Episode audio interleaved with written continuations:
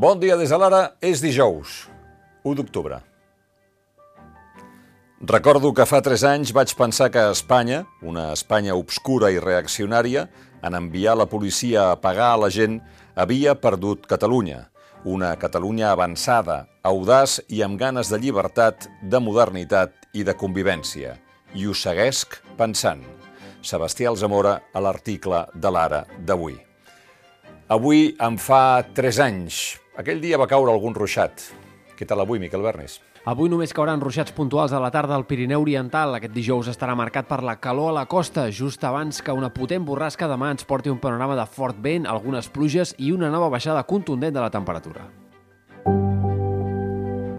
1 d'octubre, els protagonistes de la fotografia del referèndum a Sentís Clar que es van fer viral reviuen aquella jornada, tornen a fer la partida i mostren el seu desencís amb els partits. Els anarquistes de la CGT, com Ricardo Merino, diuen que en l'1 d'octubre vaig decidir participar-hi perquè era, la for era el format de referèndum i per l'autodeterminació dels pobles, un dret que recull el moviment llibertari. Fins a 127 agents de la Policia Nacional i la Guàrdia Civil han estat investigats per la justícia espanyola. Les causes no han determinat qui va ser el màxim responsable de l'operatiu repressor, però buscaran una resposta en la justícia europea. De moment, el jutge ha rebutjat investigar dos comandaments i els advocats han presentat un recurs a l'audiència que també té sobre la taula una altra petició de la Fiscalia per arxivar tota la causa. Recentment, Òmnium s'ha incorporat al cas com a acusació particular. Gairebé un any després de la sentència del procés, encara hi ha una cinquantena de processats esperant judici o sentència per una causa relacionada amb l'1 d'octubre i també encara hi ha una quarantena d'investigats. Tres anys després de l'1 d'octubre encara belluga. Ahir el ja expresident Quim Torra va compareixer com a convidat al Parlament que en una votació va rebutjar la seva inhabilitació. El tornarem a fer, aquest salt col·lectiu, assumint les conseqüències de voler-nos lliures. Perquè sabem com fer-ho, amb la voluntat de ruptura democràtica de les institucions i la desobediència civil, cívica i pacífica de la ciutadania. És el 14 d'abril i és el 1 d'octubre. No hi ha una altra manera d'independitzar-se. I tenim unes eleccions al davant per demostrar-ho. De nosaltres i de tots els catalans depèn que sigui el plebiscit de la ratificació del 1 d'octubre o que sigui una altra cosa.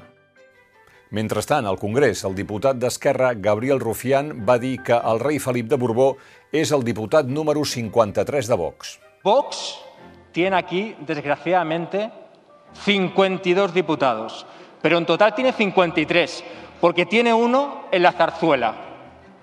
He aquí lo dramático. Silencio, por Y favor. señores, y Silencio. señores, y señores y señoras Pido silencio, de la por derecha, favor.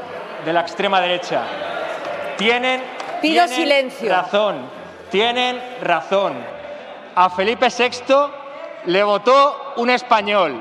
Es este, Francisco Franco, En la fotografia, Franco saludant, donant la mà a un Felip VI que aleshores devia tenir 6 o 7 anys. Si algú s'escandalitza pel que va dir Rufián, podem preguntar-li si també s'escandalitza pel que ve ara.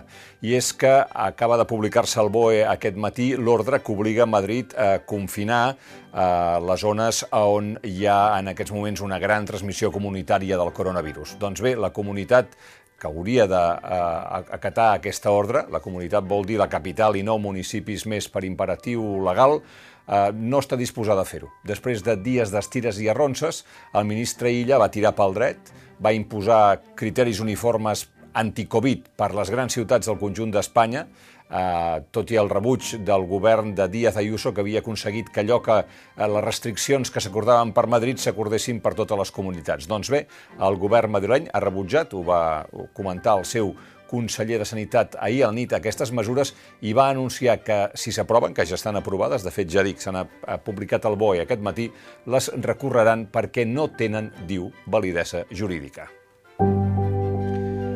Uh, Eroski vol acabar ja venent Capravo abans que acabi el 2020 i ja només queden dos candidats per comprar la cadena de supermercats, segons ha pogut uh, saber l'ara a través de la feina d'Elisabet Escritxe Ribas i l'Àlex Font Manté. Aquests dos candidats per comprar Caparabo són Bon Preu i un fons d'inversió estranger. Pel camí s'han quedat Carrefour, Consum i altres fons d'inversió. El preu que en demana Eroski són 700 milions, una quantitat molt per sobre del que, per exemple, Bon Preu està disposat a pagar, però és gairebé la meitat dels gairebé 1.300 milions que va pagar el grup basc per adquirir Capravo, eh, eh, la quantitat del 75% de la cadena. Us recomanem aquest article de Thomas Friedman, columnista del The New York Times, perquè parla del debat d'ahir a la nit Trump-Biden, però també parla de nosaltres. Diu, Facebook i Twitter han esdevingut motors gegantins de destrucció dels dos pilars de la nostra democràcia, la veritat i la confiança. No hi ha dubte que aquestes xarxes socials han donat veu als qui no en tenen, la qual cosa és positiva i pot contribuir notablement a la transparència, però també s'han convertit en immenses fosses sèptiques sense filtre on es difonen teories conspiratives en què creu un nombre colpidor i cada cop més gran de ciutadans i ciutadanes. Aquestes xarxes, diu Friedman, eh, estan destruint la capacitat de discernir entre la veritat i la falsedat i sense un mínim de confiança entre els dos bàndols i la voluntat de vetllar pel bé comú, és impossible arribar a res de destacable.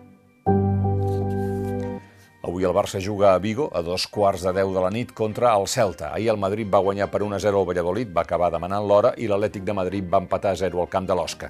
I aquesta tarda a les 5, sorteig de la Champions. El Barça compartirà el bombo amb l'Atlètic de Madrid, el Manchester City, el Manchester United, el Shakhtar Donetsk i eh, el Borussia de Dortmund, el Chelsea i l'Ajax. Acostumat a formar part del primer bombo, ara el Barça corre el risc de compartir grup, ho acaben de sentir amb algun dels aspirants al títol final. I acabem amb el Mirades d'avui dedicat a Quino, el dibuixant creador del personatge Mafalda que va morir ahir a la seva Buenos Aires natal. Tot el diari n'està ple de les seves tires, com aquesta del 1973, dibuixada després d'una visita a l'Argentina de Joan Manuel Serrat. Es pregunta a la Susanita i Joan Manuel Serrat, president, per què no? Li contesta la Mafalda, pobre xicot, quin mal t'ha fet, i els altres rematen, a més no pot, és espanyol, català animal. Doncs així sí que pot. No hi ha res que aquests no puguin. Fins aquí les claus del dia. Tornem d'aquí uns minuts amb l'anàlisi de l'actualitat.